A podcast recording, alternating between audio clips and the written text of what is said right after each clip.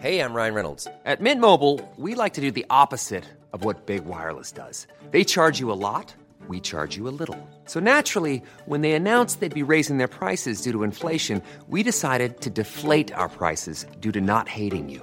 That's right. We're cutting the price of Mint Unlimited from $30 a month to just $15 a month. Give it a try at mintmobile.com slash switch. $45 upfront for three months plus taxes and fees. Promo rate for new customers for limited time. Unlimited more than 40 gigabytes per month. Slows. Full terms at mintmobile.com.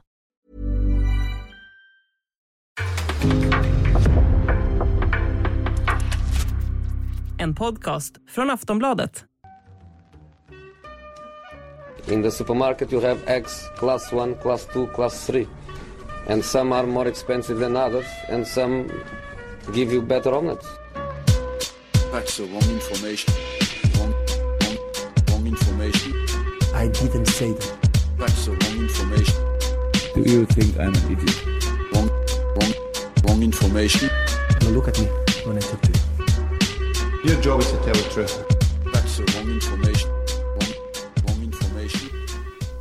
Varmt välkomna till Sillypodden. Det är måndag, Makoto Asari heter jag. Om ni undrar vart Patrik Syk är så vet inte jag heller det. Han är inte här i alla fall. Eh, så att eh, du, ingen psyk som sagt. Men däremot Frida Fagerlund från, inte från London utan från Chester va? Ja, precis. Eh, lite ovanligt, men jag är ju på plats för EM som startar denna veckan, så att eh, det är därför jag kommer spendera ett par veckor lite högre upp i landet. Men det känns, eh, det känns kul. Ja, du, du har inte hunnit gå in helt i EM-bubblan än. Det är därför passa på att få in det här i Sillypodden innan det blir bara fullt EM-fokus istället.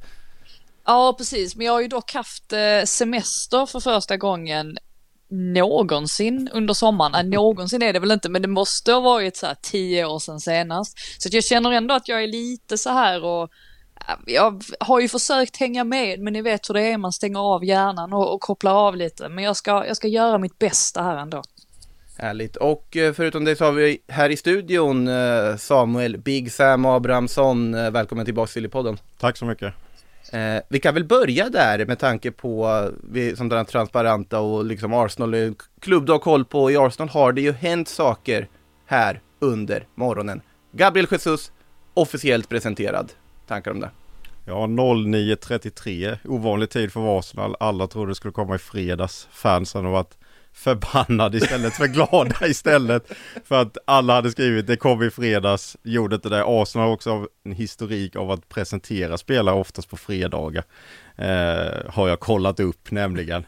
Så måndag morgon, det var eh, oväntat men säkert glädjande för fansen. Och eh, ja, jag tycker ju det är en perfekt värvning för Arsenal. De behöver ju nya anfallare, det vet vi ju. Eh, Lacazette är borta, Enketia skrivit på nytt kontrakt, men håller inte för första anfallare. Jesus, vunnit fyra PL-titlar. Kan ligan, jobbat med Teta innan. Eh, ja, det enda frågetecknet är, han är ju liksom ingen skyttekung, det har han ju aldrig varit. Sen i City får man ju oftast ja, där blir man ju petad även om man har gjort fyra mål i en match. Guardiola funkar lite så att man flyttar runt på spelarna. Nu kommer man ju verkligen få vara första anfallaren och liksom vara den som ska leda Arsenals anfall och det tror jag bara kommer växa. Eh, Frida, tankar om eh, Gabriel Jesus? Ja, men mycket bra värvning. Det som eh, intresserar mig mest eller som jag tycker kommer att bli spännande att se det är hur han kommer att användas för att nu verkar de flesta vara övertygade om att nej, han kommer att gå in som någon sorts ja, men falsk nia eller ja, nia och han, han bär ju också nummer nio.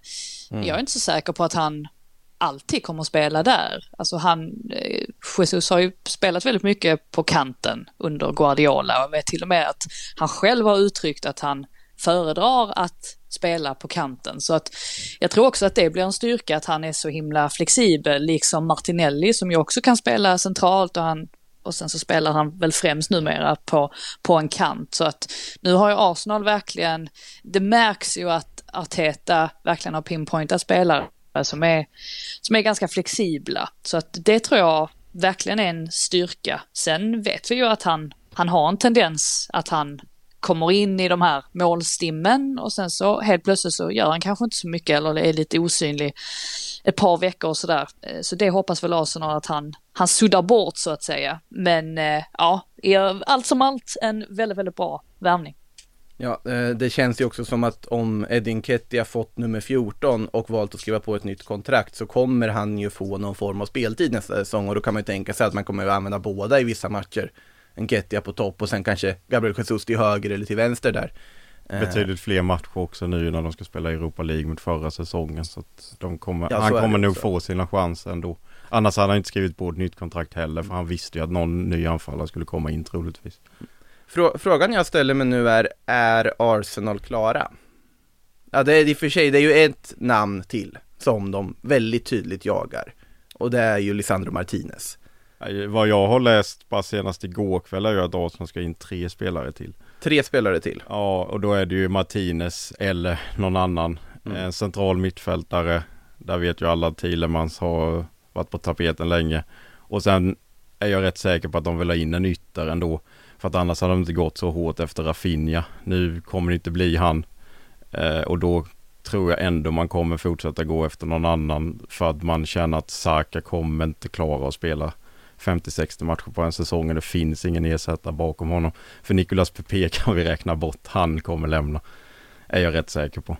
Mm. Eh, Frida, vad tror du om Arsenals fortsatta fönster? Är det, är det tre spelare in?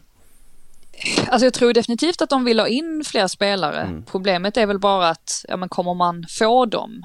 Jag vet ju det nu när ja, men de har varit intresserade av så många yttrar så är det ju vissa som har inte kritiserat det men i alla fall ifrågasatt det och tyckt att det finns andra positioner som Arsenal borde prioritera mer med. Jag tror att detta är en, en långsiktig plan från Artetas sida. Jag vet att han redan för för, för flera år sedan, när han precis eh, hade anställts av Arsenal som tränare, att han pratade just om det här och viktigt det är att men att, att få en bredd på de här ytterpositionerna, eller ja, egentligen alla anfallspositioner, men det visar ju nu när han plockar in spelare som Jesus som, både, som, som kan spela både centralt och på, på, på, kanten, att, att det är väldigt viktigt för honom. Men det är väl någonting som han har hämtat från Man City, som ju alltid har, har haft den här väldigt ja, men, väldiga bredden egentligen på de offensiva positionerna, vilket ju har gjort att de alltid har klarat av, ja men som, ja men de fick inte in Harry Kane, ja men då springer de och vinner ligan i alla fall för att de har så, de har sån bredd där fram. Så att det är väl Artetas mål på något sätt, men jag tror definitivt att de, de kikar väldigt mycket på ja men som ni var inne på där, Thielemans är en sån spelare som man är uppenbart intresserad av. Rafinha förlorade man ju slaget om. Så att eh, det verkar ju som att det kommer ske mer. Sen om de kommer få in några spelare, ja, vi ser ju att vissa andra klubbar har ganska svårt att göra någon värvning överhuvudtaget så att vi får väl se vad som händer helt enkelt. Men ska vi gå till den klubben som kanske har allra svårast att få in några värvningar just nu? Nu ska det ju sägas att när ni lyssnar på det så kan mycket väl Tyrell Malaysia vara presenterad för Manchester United. Eh, han ska väl göra sin sista del av läkarundersökningen här idag och då blir han ju Uniteds första värvning det här fönstret, vänsterback från Feyenoord, ung, utvecklingsbar, intressant att följa, samtidigt som då Alex eh, Telles verkar bråka sig bort från klubben samtidigt. Um, vi får väl se hur det blir med det. Men det stora som Manchester United har jagat inledningsvis i det här fönstret är ju Frenkie de Jong. Och eh, ja, det har ju blivit lite problem i den affären eh, här nu eh, när man börjar få funderingar om det är så att eh, Barcelona egentligen använder hela den här situationen för att tvinga, ja inom citationstecken tvinga Frenkie de Jong att gå ner i lön. Ja, Laporta var ju ute och snackade om det här i lördags tror jag det var. Och att man har inga intentioner att sälja de Jong. Såklart att han eh, säger det någonstans för att eh, dra ner priset och så här. Det säger väl sig självt men att Ja, och han var ju också inne på som du nämnde där med eh, det här att Ja, det finns en plats men då måste han nog sänka sin lön och frågan är ju hur sugen är han på det. Eh, han har ju gjort rätt tydligt känns det som att han vill ju stanna i Barcelona och det är väl inte bara klubben, det är väl staden och allting. Men är han beredd att offra det för att gå ner liksom i lön eller hur? Det är intressant här nu. Och sen menar ju andra sidan en del att United är very close to, till att eh, slutföra affären här nu med Barcelona. Så det är ju verkligen båda sidor om myntet. Ja, de ska ju vara överens om prislappen. Att det är ju 65 miljoner euro plus 20 miljoner euro i bonusar. Och de bonusarna, hur man ska lägga upp dem med det som nu förhandlas. De ska ju United ska ju egentligen inte ha något kontrakt klart med de Jong och de Jong ska ju själv vara inställd på att han vill vara kvar i Barcelona om han kan. Men känslan man får just nu är att Barcelona på något sätt använder det här för att faktiskt få honom att halvera sin lön. Sen finns det ju uppgifter som säger att han inte kommer gå med på det här och då hamnar han ju i United. Men det är en väldigt rörig historia just nu i och med att Laporta går ut och säger det han gör. Det finns också lösa rykten av Chelsea ju. Som kom i slutet av förra veckan. Det är inte... Chelsea ska väl ha alla spelare? Ja, de vill ju kapa alla affärer här nu och så blir de själv kapade med, med Rafinha. Så att... ja. Ja, vi, vi Men de Jong, är, är, det inte ganska taskigt mot honom också? På något sätt? Alltså, han har ju hamnat i en, i en, väldigt ovälkommen sits. Alltså bara det här att han öppet har sagt att han vill stanna i Barcelona och så ringer Ten Hag honom varje dag och ska tjata om att han ska komma till Manchester istället. Och, och, ja, men och så nu hela det här att han ska bli tvingad och, och sänka sin lön. Inte en helt enkel situation för honom. Det är li lite taskigt skulle jag säga ändå. Vi, vi, kan, vi kan, jag håller helt med, det är verkligen synd om Frenkie de Jong, men vi kan väl ta något positivt där att han nyligen friade till sin flickvän och fick ett ja eftersom han baserade på att han la ut en bild på det så gissar vi på att ja. det var ett positivt svar. Men det, må, det, måste han om man ska övertala henne att flytta till Manchester nu, alltså om, det, om det blir så. Då måste man liksom säkra upp. det är det han gör nu, liksom lägger grunden. Det är också intressant att se hur långt United i så fall kommer gå. För att om de ska övertala de Jong och gå dit så känns det som att då kommer de få liksom det kommer bli en enorm lön ju. Är man beredda att ge det? Ja, det måste man ju vara i det här läget. Om det har gått så här långt och har honom så, så pass tydligt första val. Att Erik Ten Hag har ju varit där från början. Han är den vi ska in. Han är den viktigaste värvningen som de gör det här fönstret.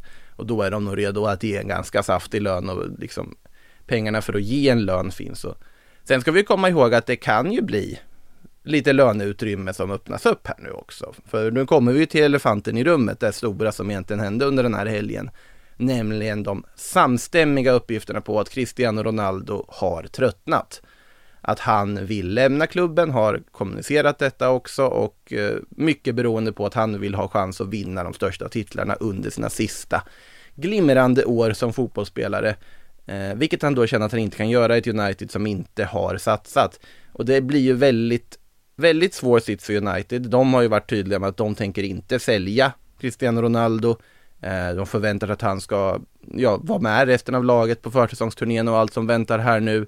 Men det blir ju en väldigt konstig situation på att de till att börja med får kritik för att de inte lyckas värva in spelare. Och nu ska den största stjärnan då vill flytta på sig. Eh, jag vet inte Frida, hur, hur går snacket i England kring Ronaldos, eh, ja de här uppgifterna som har kommit? Ja, alltså jag tror att det är lit, en liten blandning av Ja, men det är givetvis väldigt stora nyheter. Samtidigt mm. så tror jag inte att så många är särskilt förvånade. Jag var inte själv särskilt förvånad av att det här kom fram i alla fall. Och det är väl främst då baserat på att man tänker sig att eh, Cristiano, alltså hur mycket känslor han än hyser för Man United som klubb så tänker han ju väldigt mycket på sig själv också. Och han vet om att han har inte speciellt många år kvar och då vill han se till att spela på den absolut högsta nivån, vilket i det här fallet är Champions League. Och han, det verkar ju som att han ändå tycker att Erik Ten Hag verkar vara en, en, en bra tränare. Nu har han, ska han ju inte ha diskuterat de här eventuella ja, men, den här eventuella flytten med honom än. Och det verkar ju inte som att han kommer dyka upp på träningen idag heller, men det var på grund av familjeskäl, så det ska, ska ha varit andra bakomliggande anledningar. Men samtidigt så verkar han ju tro att ja, men det här kommer att ta så pass mycket längre tid, att ska jag få ut det mesta av min karriär så måste jag lämna United nu. Så den biten är jag inte förvånad över. Däremot så undrar man ju vad det är som har hänt egentligen sett till att vi vet att Mendes har åkt runt och haft en massa möten, bland annat med Todd Bowley som väl, att Chelsea är ju egentligen den enda engelska klubben han skulle kunna gå till. Och valen är ju inte speciellt många för honom sett till att, ja men Bundesliga går bort, La Liga känns inte heller troligt och då landar man i Serie A som ändå dras, eller där många klubbar dras med ekonomiska problem efter pandemin och sådär.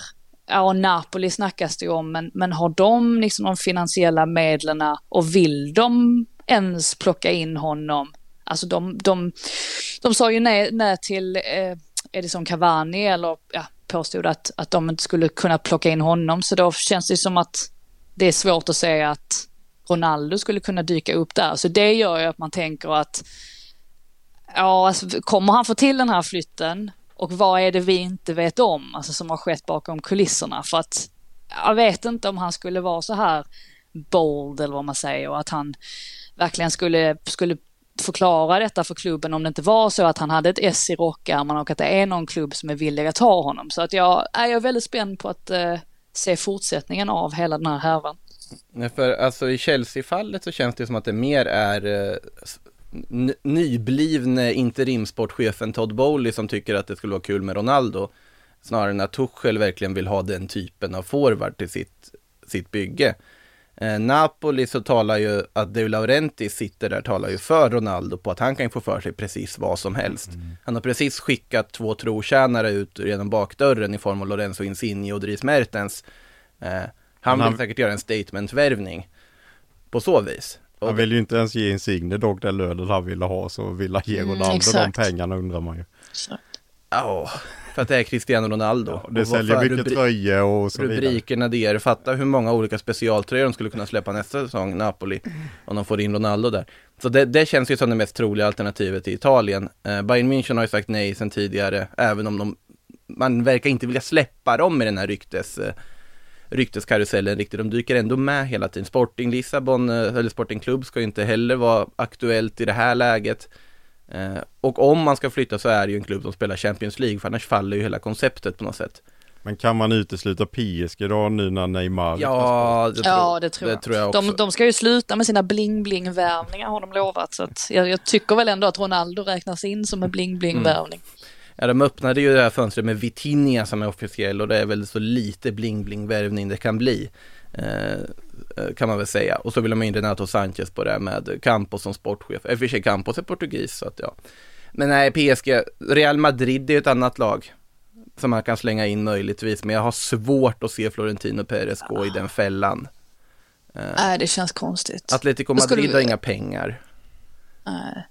Och Real Madrid då så skulle vi stå där ännu en gång med den här Benzema versus Ronaldo, att Benzema är bättre utan Ronaldo och så vidare. Ska vi liksom dra den ett varv till? Det känns inte heller troligt. Nej, det, det, gör det verkligen inte. Och så att, alltså ja, det är det... ytterst få alternativ känns det ju som här och nu i alla fall. Ja, och då, då är väl, tyder väl på att han kanske stannar och det här kan ju också vara ett sätt för för honom att sätta press på ledningen. Nu måste ni börja agera. Vi ska vara en klubb som vinner saker. Det här är Manchester United. Det ska liksom börja fixa den här truppen nu. Att inte börja vela, att inte fastna, att inte hamna i den situationen de har gjort just nu. Eh, nu är det ju väldigt långt kvar på transferfönstret fortfarande. Problemet är väl att de här spelarna som kommer in då kommer inte vara med på försäsongsturnén. De kommer komma in väldigt tätt in på ligastart i och med att man inte har agerat än. Så att, äh. mm. sen, sen, har de ju svårt, alltså jag tänkte på det med Calvin Phillips till exempel mm. som ju verkar bli klar nu för Manchester City. Och där fanns ju intresse från United också, men problemet är ju där att Man United är den klubben de är som har den relationen till Leeds som de har. Alltså Philips var inte villig att gå dit, alltså han mm. hyser sån stor lojalitet, sån pass stor lojalitet ändå till Leeds att han väljer att gå till ett mer neutralt lag som Man City. Där har ju de faktiskt en fördel i att de inte riktigt har den här rivaliteten med särskilt många andra klubbar, så att det öppnar upp för, för spelare att, att ja, att välja dem istället. Men så ja, United har ju verkligen, det har ju inte riktigt gått som, som det var tänkt nu. Det är väl säkert rätt många supportrar som sitter och undrar vad, vad som kommer ske egentligen. Eh, om det liksom blir någon panikvärvning där mot slutet. Men ja, det verkar ju inte som att, just nu verkar det ju som att de har ganska svårt att eh, få in sina första val i alla fall får man ju säga. De ska ju vara inne i några dragkamper med Arsenal i alla fall rapporteras det och bland annat nämnde jag namnet förut, eh, Lisandro Martinez, eh, mittbacken som även kan spela till vänster och på defensivt mittfält som är i Ajax. Så både United och Arsenal verkar vara väldigt måna om att försöka värva den här spelaren. Eh, en, om vi kör en snabb spontan fråga, vilken av klubbarna hamnar ni Om vi räknar med att Lisandro Martinez faktiskt säljs till någon av de här klubbarna, vilken tror ni han hamnar i? Life is made up of many gorgeous moments. Cherish them all, big and small, with Blue Nile. Whether it's for yourself or a loved one, Blue Nile's unrivaled selection of expertly crafted fine jewelry and statement pieces help make all your moments sparkle. Blue Nile's experts are on hand to guide you, and their diamond guarantee ensures you get the highest quality at the best price. Celebrate a life well lived in the most radiant way and save up to 30% at BlueNile.com. That's BlueNile.com. Eh, jag tror ju United och det är för att Ten Hag är där. Eh, det är väl liksom, det borde ju lappa över till att han går dit kan jag tycka. Eh, rent spontant för att han, ja, det verkar som enligt Atletic nu som ändå är trovärdiga att det är upp till spelaren själv att avgöra var han ska gå. Och då blir jag inte förvånad om han nobbat Ten Hag som han verkar ha en bra relation med. Så det är väl mitt svar. Säger du samma sak Frida? Ja, nej, men det känns väl naturligt att dra upp den kopplingen. Sen är han väl ganska, alltså det är ju ganska flexibel spelare att få in ändå som ju väl kan spela, alltså både till höger och vänster i, eh, som mittback då och sen så, eh, alltså som vänsterback också och dessutom har spelat en del som defensiv mittfältare så att på det sättet så känns det ju som en väldigt flexibel, en flexibel värvning. Så att ja, den kopplingen där till Ten Hag är väl ganska naturligt att tro att de, att United i alla fall har en bra chans att få honom. Det ska väl sägas också att vad jag har läst är att United ser han som mittback, Arsenal kommer se han som vänsterback främst. Så det är väl vad han föredrar att spela också. Han har spelat främst mittback. Ja, Ehm, så att men det Ars- känns väl naturligt. om- Arsenal verkar se han mer som vänsterback för att Tierney vet man ju aldrig hur många matcher han spelar. Mm. Eh, Eller möjligtvis som en ersättare till en annan Gabriel. Kan det ju vara, för det har ju ryktats en del kring Gabriel. Eh, Nej, nu ska det ju bli, det ska, nu, alla Gabriel ska ju till Arsenal. Det Jo, man vill ha kvar alla det. Gabriel, jag håller med. Don't shoot the messenger här liksom. Eh, Men det är i alla fall Juventus då som har kopplats ganska mycket tillsammans med då Gabriel, mittbacken Gabriel och det är ju för att de håller på att tappa Matthijs de Ligt till Chelsea. Eh, mycket tyder på att Chelsea kanske lyckas eh, genomföra den värvningen, att man eh, betalar det som krävs. Matthijs de Ligt själv verkar vilja gå till Chelsea i alla fall. Och Juventus verkar redo att sälja, eller vara tvungna att sälja. Det är i alla fall där man kan, som insinueras tycker jag utifrån det man har hört från Juventus-lägret. Och då ska ju Gabriel vara den som de helst vill ha som ersättare och även ute efter Kalidou Koulibaly som vi naturligtvis ska slänga in i, även i det här fönstret. I Det ska man alltid göra. Ja men nu har han ett år kvar på kontraktet, så nu är det faktiskt läge att göra det för en gångs skull. Ja. Nu kostar den inte en miljard heller. Nej, nu blir det ju hyfsat billigt om man jämför med alla andra år. Och Gabriel kommer inte bli billigt. För han sitter på kontrakt i rätt många år till. Är ju ordinarie i Arsenal. Jag tror ju inte att Heta är sugen på att släppa honom. Mm. Det kommer ju kosta inte riktigt det licht men nästan de prisklassen. Och vill Juventus verkligen lägga det? Koulibaly till Juventus då med andra ord. Ja, alltså jag tror ju mer på det. Jag tror ju mer på det sp- spontant. Eh, Det känns ju enklare. Och eh, Napoli verkar ju ha problem att förlänga med honom uppenbarligen.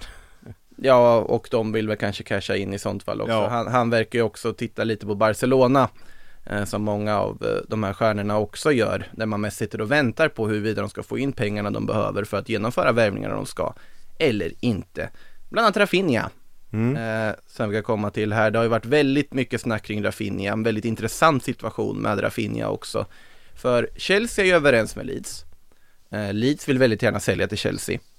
Eh, för att de får bra betalt för det. Rafinha själv verkar ju dock vara extremt ointresserad av att gå till Chelsea. Verkar väldigt, väldigt intresserad av att gå till Barcelona. Det är i alla fall där man har läst sig till att han också med att hans pappa är god vän till Ronaldinho, han har drömt om att spela i Barcelona-tröja en gång i tiden och sägs ju till och med kunna tänka sig stanna i Leeds och vänta in att Barcelona ska samla ihop pengarna för att ha råd med övergången. Och ska ju typ ha varit överens om de personliga villkoren redan i typ mars. För Ja. Barcelona trodde att Leeds skulle åka ut, eller hoppades ju på det. För den Och så sköt. Rafinha kvar dem. Ja, så, så, Och det, firade något Och fi- precis, roligt ja, också. så blev det bara ett stort problem med den övergången istället. Och Även om det kanske faktiskt ser ut att lösa sig ändå här nu. Problemet är väl att Barcelona verkar ju till slut kanske hosta upp de här pengarna men då blir det ju betydligt fler olika betalningar de kommande åren. Mm. Chelsea Mesta av den summan kommer Leeds få här och nu och det är ju det såklart Leeds vill ha för de vill ju använda de pengarna i sommar redan ju. det är ju en konstig situation också så jag tycker lite synd om de klubbar som nu tvingas förhandla med Barcelona.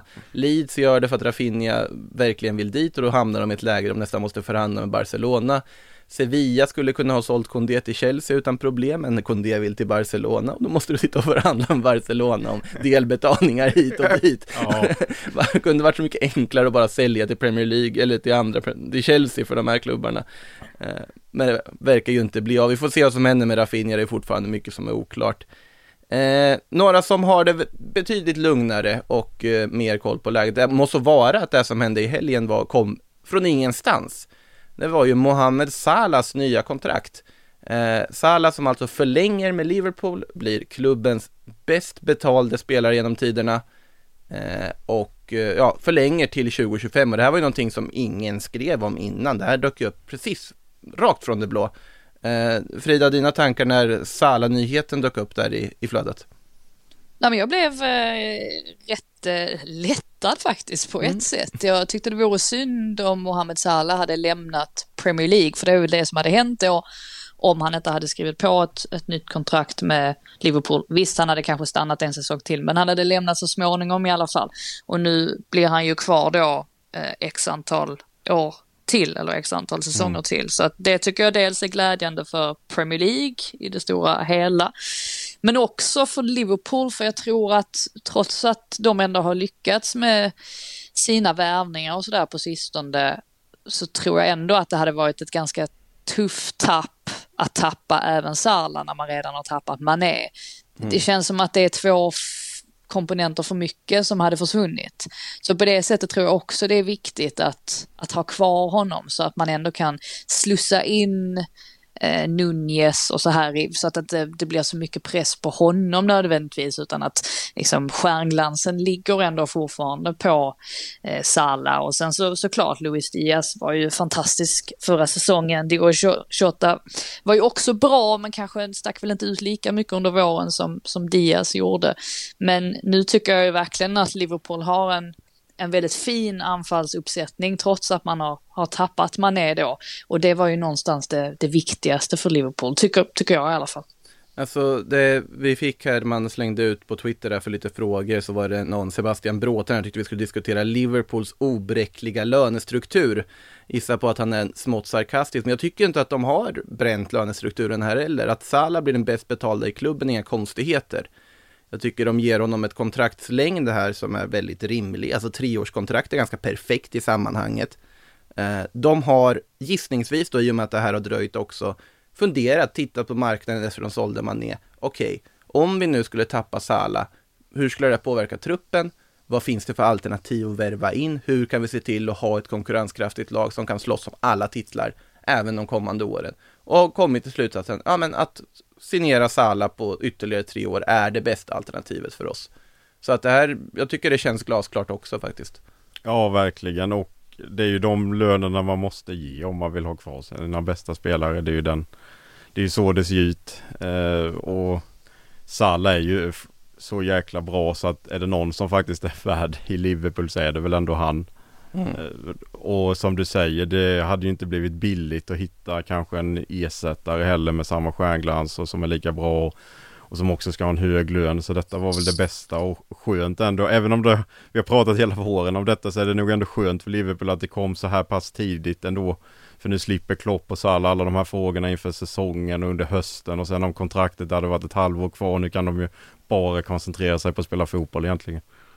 Det som är så fantastiskt också med Salah på något sätt, det är ju att att under våren här där han kanske har varit lite trött efter eh, Afrikanska mästerskapet och sådär och han kanske inte har varit ja, men, uppe på, på lika hög nivå som han var under hösten.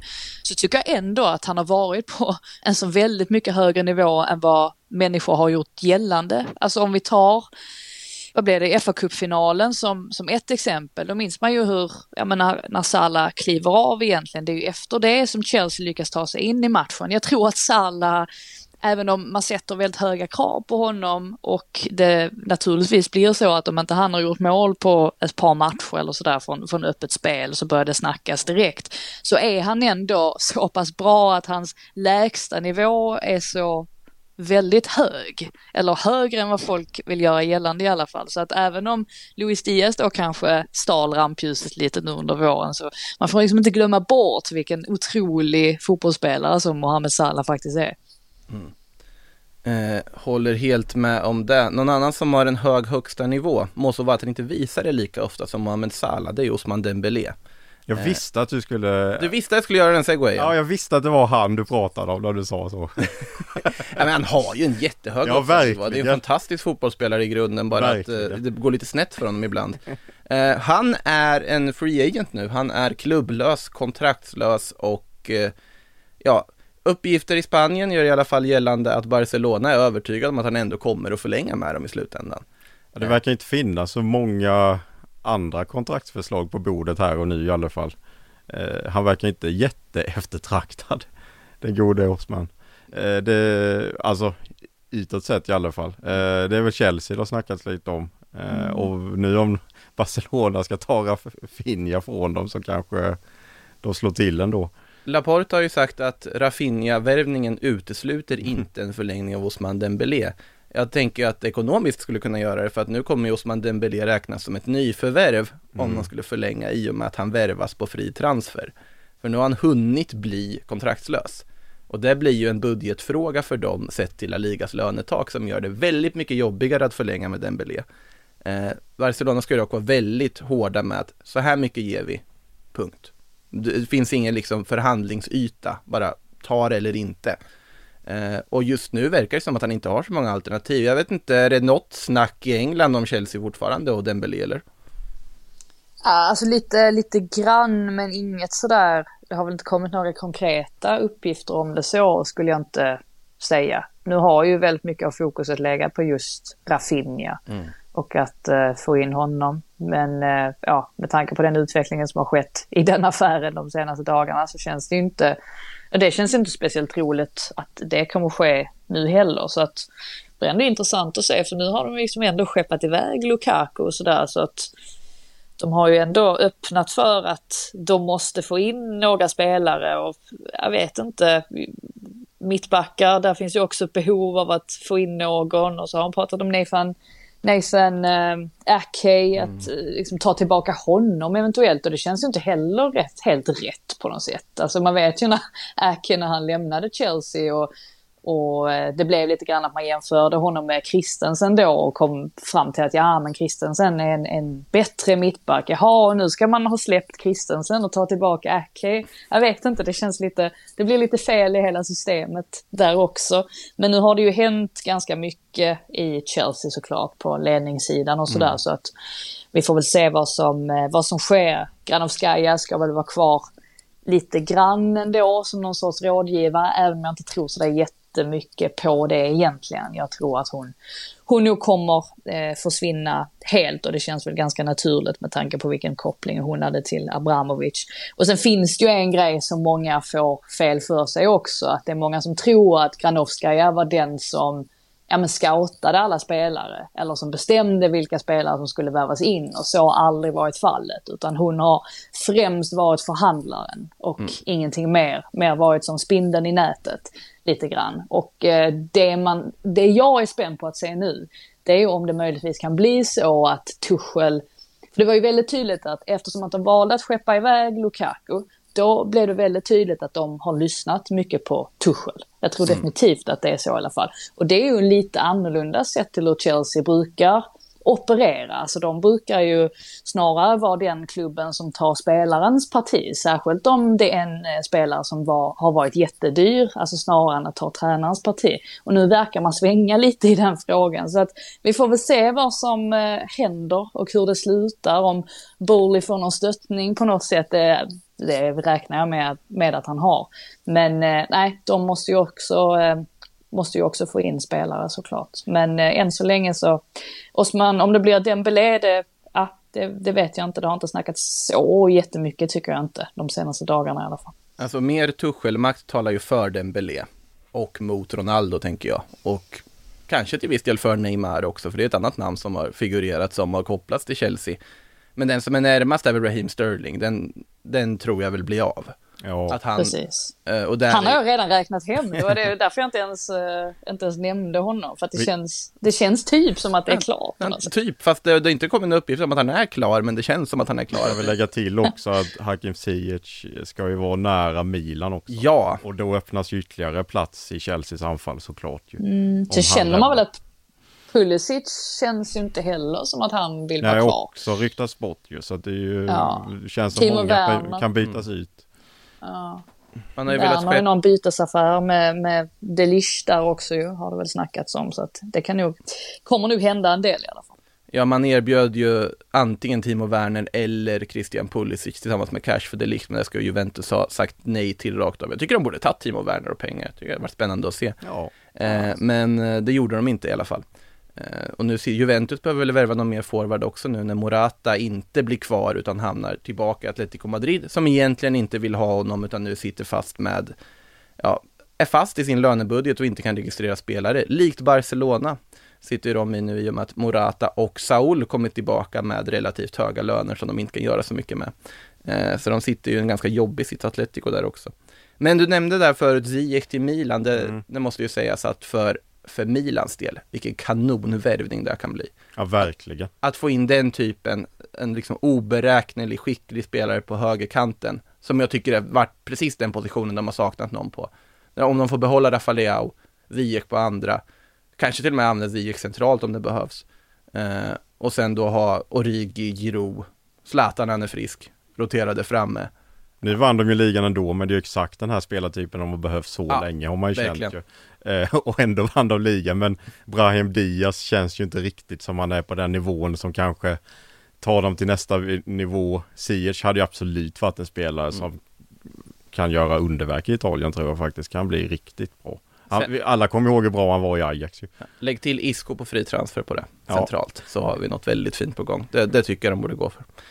Eh, en annan spelare som det pratas en del om, vi ska ta den innan vi, eller vi tar två punkter till innan vi går över på lite frågor och rundar av. Serge Gnabry, eh, för han sitter ju med ett år kvar på kontraktet och har börjat eh, dra åt sig lite Premier League-intresse sägs det. Båda Manchester-klubbarna, såväl Manchester City som Manchester United har kopplats samman med Gnabry. Och jag måste väl säga att det känns som en jätterimlig värvning för båda de här klubbarna, egentligen. Tycker jag.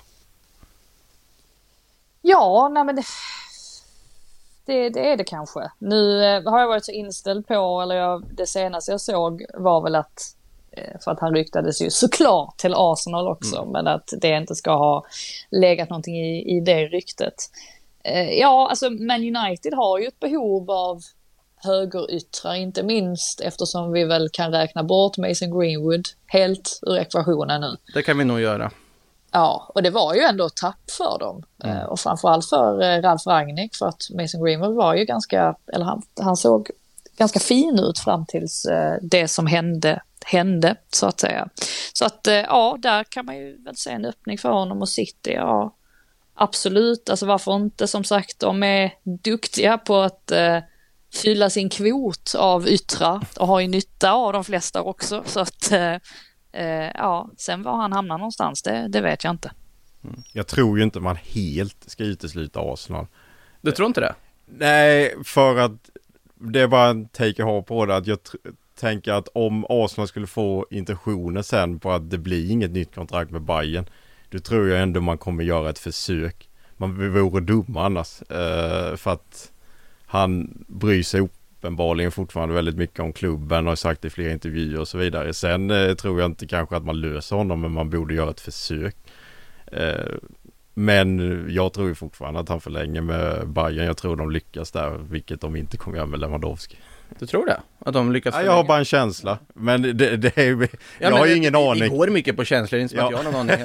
Nej. Jag tänkte det, fan, jag har ingen aning. Nej, men jag bara, jag tänker att han liksom ändå, ja, får han bara den lönen han vill ha så tror jag ändå att han absolut eh, skriver på ett nytt kontrakt till slut. Men eh, det beror ju på, eh, han vill ju ha enorma summor och sen är frågan om Bayern verkligen vill gå så långt eller och om nu Lewandowski lämnar Då är det väl fråga eh, mer att en anfallare kanske ska komma in och då kanske man skiter i Gnabry också för man har ändå fått in Mané liksom. Det ska bli otroligt spännande att se om Lewandowski ansluter till resten av laget här under veckan när de ska samlas. Det lär han ju inte göra. Nej. lär han ju inte göra. det, det blir en väldigt spännande situation där. Och där sitter fortfarande Barcelona och väntar på att sina här, economic levers ska klicka in så att de får pengarna för att kunna värva honom. Och så, jag vill ha haft tre bud nobbade nu om jag förstod det rätt va? Ja, jag tycker ändå att alltså, det sista budet var ändå rimligt, men Bayern ja. verkar ju väldigt veliga i vad de egentligen kräver för honom, för de vill ju inte släppa honom egentligen. Det var väl ändå 45 miljoner euro plus bonusar nu va, eller? Det var, det var 40 plus 5 tror jag. Eller okej, okay, ja. Var väl det senaste, Bayern vill ju ha åtminstone 50-60. Ja. Eh, vi får se vad det blir av det. Eh, innan vi går på frågor så ska vi bara konstatera att en spelare som har kopplats till Arsenal tidigare, som eh, har nämnt Aaron Hickey, han är på väg någon annanstans, nämligen till Brentford. Eh, verkar vara i princip klart där också. Han ska flyga till England idag tror jag. Ja. Eller har redan kanske gjort det. Högerback från Bologna som presenterades en gång i tiden. Vänsterback va? Ja, till och med vänsterback ja, där ser du. Mm. Eh, Han kan väl spela högerback också, ja, absolut. har gjort det någon gång. Ytterback med ja. andra ord. Ytterback, eh, bra så, samlingsbegrepp. Ja, vi, vi lämnar det så. Nej, men han presenterades ju med en Loch Ness-video där i Bologna när han skrev på för dem en gång i tiden. Rikt, riktigt stökig presentationsvideo. Eh, nu ska han till Brentford och det måste väl sägas med tanke på vilka klubbarna kopplas samman med, för han har ju kopplats samman med United och Arsenal och så vidare, så känns det väl som en väldigt fin värvning av Brentford. Måste man ju säga. Mm. Ja, nej, men absolut. Nu är han ju inte, han är inte nummer ett eh, som eh, vänsterback, eh, skotsk vänsterback i, i landslaget. Nej, det, det vet vi ju alla vem, det finns vem några. det Ja, precis. Men nej, men absolut, och Brentford, de, de måste ju göra någonting nu för att inte drabbas av det här andra säsongssyndromet som ju Leeds ändå höll på att drabbas av, eller faktiskt delvis gjorde och höll ju på att åka ur trots att de gjorde en så fin förra säsongen. Så är det ju intressant här också med Christian Eriksen och, och vad, som, eh, ja, vad, som, vad som kommer ske. Så att eh, nej, Brentford måste verkligen se till att, att göra ett bra fönster här om de ska eh, maximera sina chanser att säkra kontraktet ännu en gång. Mm. Eh, precis, Aaron Hickey alltså på väg till Brentford.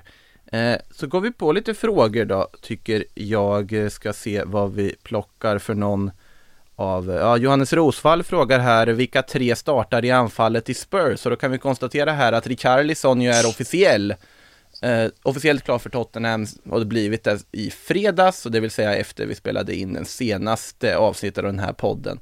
Eh, Se, såg ni vad han la upp för bild nu ja, i häromdagen? Ja. En bild där det det är som att han har sänkt, han har väl sänkt en Arsenal-spelare och så är det väl Beijerin som han står och käbblar med. Eh, kul att det var Beijerin med, med för han kommer inte att vara kvar i Arsenal. Nej, och det är ju kul också att han taggar, att Richarlison taggar Beijerin i bilden. för det måste ju vara han, det är, det är väl bara en ja. själv som kan göra det va? Beijerin spelade eh. visserligen Arsenals första träningsmatch i lördags men han kommer ju lämna i sommar så att... Ja, det är en sorg. Det är en stor sorg. Ja, det är Men, verkligen. Eh, ja, Richarlison han kommer ju verkligen med eh, det kan gå hur som helst det här känner jag. Det, för att en del av mig är ju förvånad över att han ska sitta som någon, men ska han liksom acceptera att vara någon sorts backup? Är inte han för bra för det? Och hur ska man då integrera honom i laget? Är det Kulusevski då som ryker? Ja, men jag kan nog tycka att balansen som Kulusevski har där med Kane och sånt, den är ju ganska bra också. Kommer inte mm. Richarlison rubba den? Så att, jag är oerhört spänd på att se hur det här kommer gå. Och som sagt, jag älskar Richarlison. Jag vet att det är som att svära i kyrkan att säga det. Om man inte är Everton-supporter. Ja, nu gillar väl inte de honom heller. Men eh, jag kan tycka att det är en väldigt excentrisk spelare. Men en väldigt, väldigt bra spelare som jobbar väldigt, väldigt hårt. Så att, nej, väldigt spänd på om eh, Conte får, eh, får styr på honom. Ja, Nej men det, det blir ju, om man tar frågan här så känns det väl ändå som, alltså Kane, Son, Kulusevski har ju funkat så pass bra. Det finns ingen anledning att rubba på den trion tycker jag. Men Richarlison, de där pengarna man har lagt på honom, det är ju en spelare som rubbar på det. Ja, du köper ja. ju inte honom för att sätta honom på bänken för 600 miljoner liksom. Det är ju, Nej. och då, det har ju pratats länge under hela våren om Kulusevski skulle få spela mm. som wingback och ni vet det där. Men det gjorde han ju nästan aldrig och det känns ju som att content riktigt ser honom som så det känns väl som att de ska gå runt med mm. på han och Richarlison istället. Nej, blir intressant att se hur de ska göra där i Spurs. Eh, vi ska se vidare. Vi kan faktiskt ta en Spurs-fråga till. De verkar inte vara helt klara i det här fönstret. De har ju värvat mycket. Richarlison, Yves Bissouma, Ivan Perisic, Fraser Forster. Äh, eh, pratat mycket om Jed Spence också och Hedberg frågade, blir Jed Spence klar för Tottenham?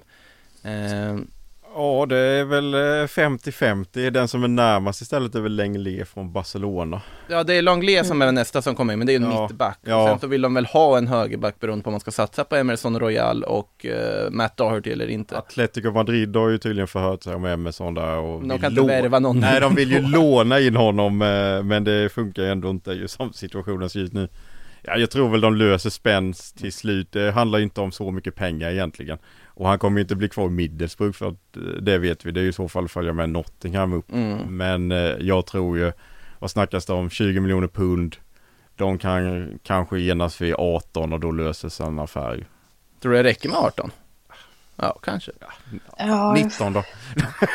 jag är lite, jag är så lite kluven till eh, Spence för att han har ju skinit eh, varje gång jag i alla fall såg Nottingham Forest spela i Championship förra säsongen. Det var bland annat på mötet med Luton och mm, då sken han ju inte speciellt mycket men det var ju för att de i stort, Luton i stort sett punktmarkerade honom. Alltså det, det ryktet byggde han ju ändå upp i Championship att, att vara den den spelartypen som, eh, ja, alltså med de kvaliteterna. Mm. Men sen vet jag inte riktigt med hans attityd. Eh, jag, nej, jag, vet inte, jag vet inte om ni såg den här, eh, dispyt är väl att ta i, men det lilla grälet han hade på Twitter med Neil Warnock. Som eh, uppenbarligen sa åt honom att du har liksom inte rätt, du har inte rätt attityd.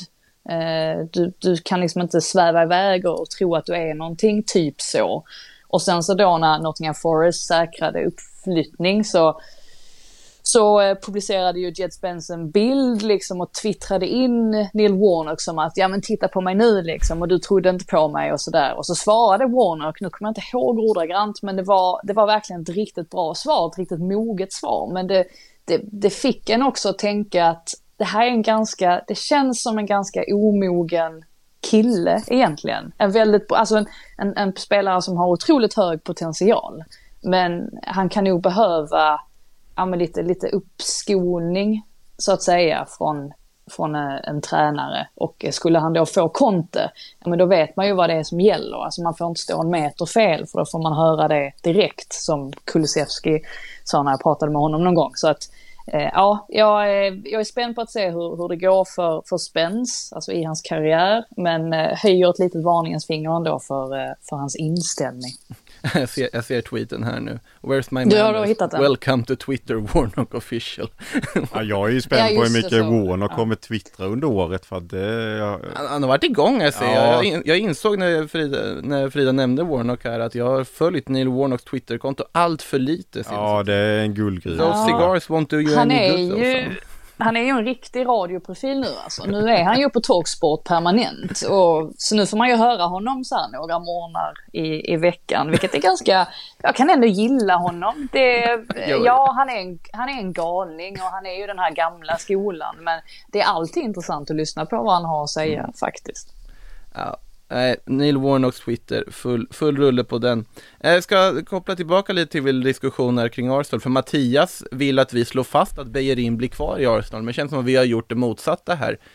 Ja, det Eh. finns det väl ingenting som tyder på tänkte jag säga. Han tillhör truppen just Ja, det, det gör han absolut. Men eh, Betis vill jag tillbaka honom. Det kom rykte i helgen om Villarreal. Det har varit Atletico. Eh, det har även varit italienska klubbar. Men han måste ju få gå till Bettis. Ja, jag Alltså- vill att han ska gå till Betis. Det hade varit väldigt fint. Han passade bra där och väldigt uppskattad. Och i Arsenal, ja, Tom Jasse är ju första på högerbacken. Sen Mm. har de Cedric också.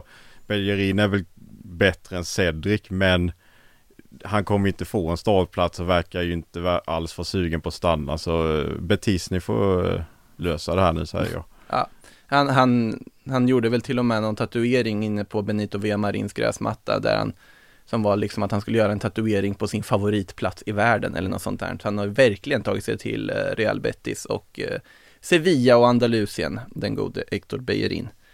Eh, tar en fråga från Foot John Deere här. Ofta uppmärksammas Chelseas mittbackskris, men tycker även det finns goda skäl till att prata om mittfältet.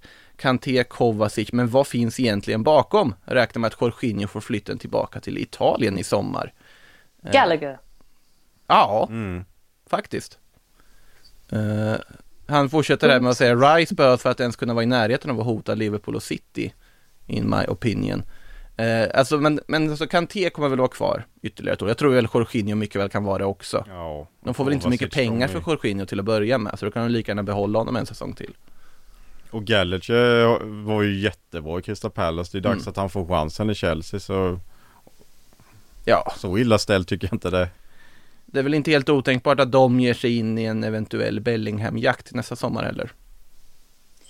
Tänker jag. Nej, och jag tänker ju på Rice också för att Mm. jag tror att Rice vill till Chelsea.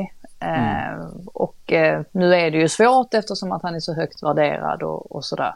Men eh, jag tror det finns en anledning till att ryktena om Man United har svalnat. Återigen, på tal om det här med Calvin Phillips och Mm. lojal, klubblojalitet och sådär. Ehm, ja, vi, vi får väl vi får se. Vi får se helt enkelt där. Eh, vidare här. Ta någon mer fråga innan vi rundar av. Prata lite, ja, Viktor G- Granbrand frågar, prata lite vad som händer i Danjuma-affären till West Ham. 35 till 40 miljoner euro låter som en riktigt bra prislapp. Det verkar väl inte helt säkert att han får honom för 35 till 40 miljoner euro. Det är väl lite tveksamt där om hur vidare de kommer överens, eh, Villarreal och West Ham. Ja, problemet verkar ju framförallt vara att Danjuma inte alls kommer överens med West Ham. Ja, det också. personliga, enligt Romano i alla fall. Ja. Så de verkar inte alls vara ens nära varandra komma överens om det personliga kontraktet och då är det väl inte så stor mening kanske att förhandla mer utan jag tror nästan han skrev i helgen att affären är liksom off. Som det, Mm. Sen kan det hända mycket sen men han verkar ju inte och ja, han har väl det bra i Spanien eh, och Villarreal är ju liksom Champions League semifinalist. Ja, det är ju ett bra lag. Så det finns väl ingen jätteanledning så sett att lämna. Eh, mer än att kanske få en bättre lön och så vidare i, i West. Ja, det är ju Conference League till Conference League till nästa säsong blir det ju eftersom båda är Ja just det, de gick också dit. Ja, så att Mm. det, det blir ju en sån rak flytt i sånt fall. Jag så att, tänkte att de var i Europa League. Men känns ju om Danjuma ska flytta nu så vill han kanske till en klubb som spelar i CL eller i eh, Europa League liksom, åtminstone. ja, Eh, kan man ju tänka sig. Sen såklart, lön och så vidare spelar ju såklart roll också i det.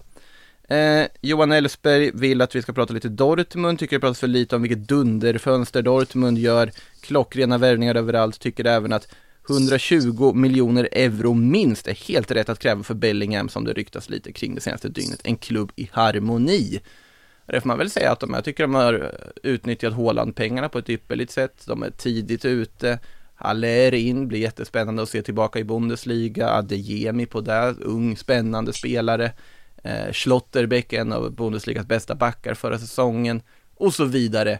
De har gjort ett väldigt fint fönster så det är bara att hålla med och ja, 120 miljoner euro för Bellingham tycker jag låter som en rimlig prislapp att sätta med tanke på den hypen som kommer vara kring honom eh, nästa sommar. Eh, så är det med det. Eh, med det sagt så Frida, du ska få återgå till EM-bubblan. Hur, hur är stämningen borta i Chester? Är det liksom Det närmar sig nu? Ja, men det är ingen som märker det här, eh, höll jag på att säga. Är, nej, men de, de ska ju inte spela någon match i Chester, Nej. utan det är bara de som, och de bor ju ganska långt ut på vischan, så det är egentligen Mm. bara journalistpacket som, som bor i Chester, så att det är ingen som fattar någonting här. Liksom, när, man, när man nämner EM, de bara, EM? Är det herrar eller damer? Det är herrar var ju förra sommaren, så nu är det damer. Så det, det går lite trögt här med intresset, men jag tror säkert att när mästerskapet väl drar igång och framförallt alltså där matcherna kommer att spelas i de städerna kommer det säkert vara drag förhoppningsvis. Så att, ja, vi får, vi får ge det lite tid helt enkelt. Ja, och eh, få hoppas på svensk framgång också. Det känns ju som nu gäller det ju den här sommaren att gå hela vägen till det där efterlängtade mästerskapsguldet. Eh, Du ska få ha det så kul i, under mästerskapet Frida. Eh, Sam, ses snart igen här i podden också. det gör vi. Tack så Eh, mycket. och alla lyssnare ses igen på torsdag, då är vi tillbaka på YouTube och på TikTok, då kör vi ju Sillypodden live, som ni ju vet att vi gör nu på torsdagar. Så då ses, både ses och hörs vi eh, här igen. Med det sagt, ha en fortsatt trevlig måndag och på återhörande. In the supermarket you have eggs class 1, class 2, class 3. And some are Du har lyssnat på en podcast från Aftonbladet. Ansvarig utgivare är Lena K Samuelsson. I didn't say that. That's the wrong information. Do you think I'm an idiot? Wrong, wrong, wrong information. Now look at me when I talk to you. Your job is to tell the truth. That's the wrong information.